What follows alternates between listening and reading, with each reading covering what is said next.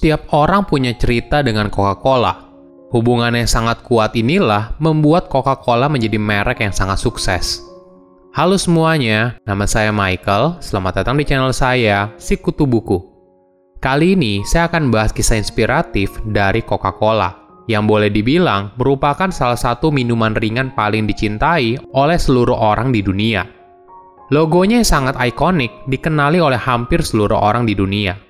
Apa rahasianya? Sebelum kita mulai, buat kalian yang mau support channel ini agar terus berkarya, caranya gampang banget. Kalian cukup klik subscribe dan nyalakan loncengnya. Dukungan kalian membantu banget supaya kita bisa rutin posting dan bersama-sama belajar di channel ini. Pada tahun 1886, seorang apoteker bernama Dr. John Pemberton menciptakan Coca-Cola di Atlanta, Georgia, Amerika Serikat. Minuman ini terinspirasi dari minuman anggur coca minuman Perancis yang populer pada masa itu. Untuk menghindari peraturan minuman keras, John memilih untuk mencampur ekstra daun koka dengan sirup gula, bukan anggur. Dia juga menambahkan ekstrak kacang kola yang kaya akan kafein. Walaupun minuman yang mengandung kokain mungkin tampak tidak masuk akal, minuman ini ternyata cukup umum di masyarakat pada akhir abad ke-19. Namun, kokain dihapuskan dari formula Coca-Cola pada tahun 1903. Awalnya, produk ini dinamakan Coca-Cola. Namun, bagian pembukuan dari John bernama Frank Robinson punya gagasan yang menarik. Daripada Coca-Cola, lebih baik namanya dirubah menjadi Coca-Cola dengan huruf C sehingga menjadi lebih menarik saat diiklankan. Robinson juga merupakan orang di balik logo Coca-Cola yang ikonik. Dia memberikan saran logo Coca-Cola harus ditulis dalam teks Spencerian, yang dulu banyak digunakan oleh para akuntan. Hal ini akan membuat logo Coca-Cola berbeda dengan kompetitornya. Akhirnya, mereka berdua sepakat dan mulai menjual produknya. Coca-Cola pertama kali dijual di Jacobs Pharmacy Atlanta pada tahun 1886. Saat itu, John membawa sebuah kendi yang berisi produk barunya dan menjajakan di sepanjang jalan.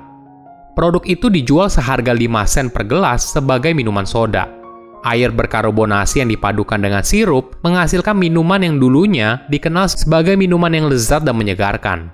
Sekitar 9 gelas minuman ringan terjual setiap hari.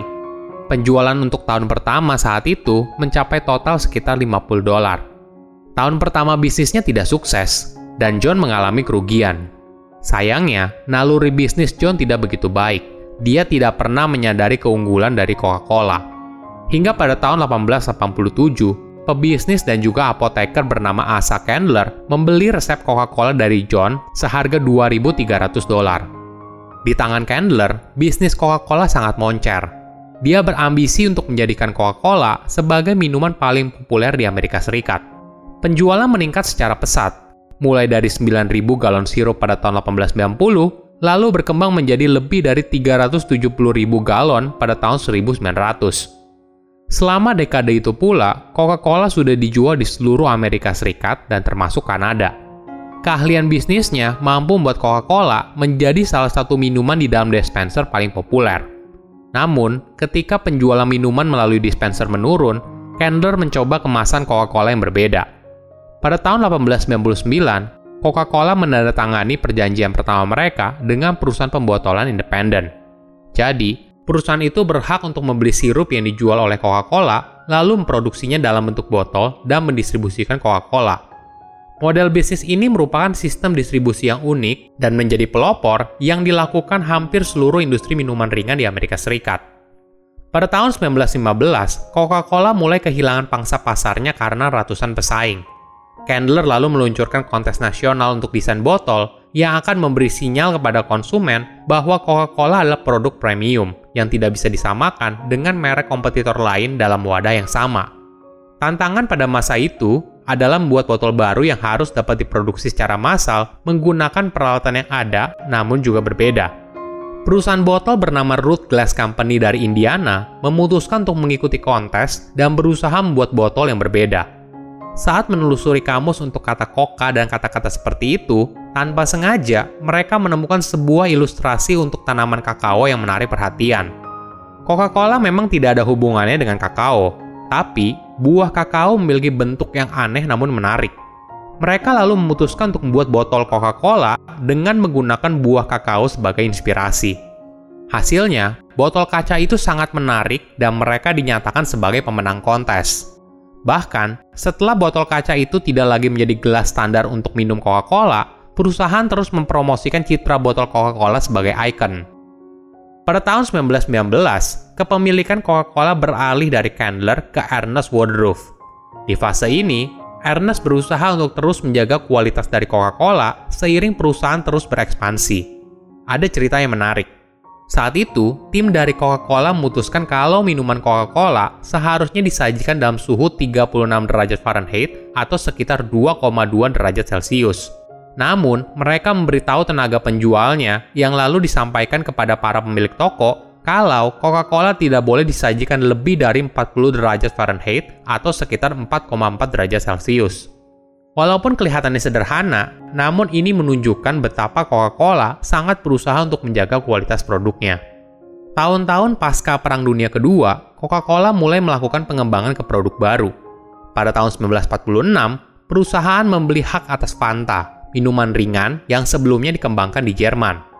Coca-Cola juga memperkenalkan minuman lemon lime Sprite pada tahun 1961 dan cola diet pertamanya pada tahun 1963. Bukan hanya itu, Coca-Cola juga merambah jenis minuman lain di luar soda dengan membeli Minute Maid Corporation pada tahun 1960 untuk masuk ke dalam pasar jus jeruk. Selain rasanya yang enak, kekuatan terbesar Coca-Cola yang lain yaitu mereknya. Pada tahun 1985, Coca-Cola dianggap melakukan kesalahan marketing terburuk sepanjang sejarah. Saat itu, Coca-Cola mengambil resiko yang besar dalam sejarah industri minuman ringan. Mereka memutuskan untuk mengubah formula Coca-Cola dan menggantinya menjadi New Coke. Pengumuman ini menandakan pertama kalinya formula rahasia Coca-Cola diubah sejak 99 tahun. Publik pun bereaksi. Konsumen sangat marah atas keputusan yang diambil oleh Coca-Cola pada masa itu. Sebagai gambaran, Sebelum adanya pengumuman soal perubahan formula Coca-Cola, perusahaan hanya mendapat 400 telepon setiap harinya. Namun setelah pengumuman tersebut, telepon yang ditujukan kepada perusahaan mencapai 1.500 telepon setiap hari. Bahkan, konsumen sampai menganggap semua karyawan Coca-Cola, mulai dari petugas keamanan hingga tetangga mereka yang bekerja di pabrik Coca-Cola, bertanggung jawab atas perubahan formula tersebut. Keputusan itu memang tidak mudah, namun Coca-Cola harus memutar otak saat pangsa pasarnya terus turun selama 15 tahun berturut-turut.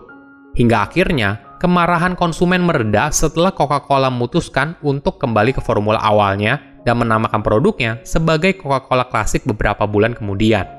Kisah ini memberikan pelajaran berharga bagi tim Coca-Cola. Walaupun sebelum meluncurkan varian New Coke, mereka sudah melakukan tes rasa kepada lebih dari 200.000 konsumen, dan konsumen itu suka dengan rasa terbarunya, tim dari Coca-Cola lupa memperhitungkan adanya hubungan emosional antara konsumen dengan merek Coca-Cola. Kelalaian inilah yang membuat konsumen menjadi kesal dan kecewa atas keputusan yang diambil oleh manajemen Coca-Cola. Ketika kamu merasa sedih dan sedang down, ingatlah, sebelum Coca-Cola sebesar sekarang, mereka hanya mampu menjual 25 botol di tahun pertama. Jangan menyerah. Silahkan komen di kolom komentar pelajaran apa yang kalian dapat ketika tahu informasi ini. Selain itu, komen juga, mau tahu informasi apa lagi yang saya review di video berikutnya. Saya undur diri, jangan lupa subscribe channel YouTube Sikutu Buku. Bye-bye.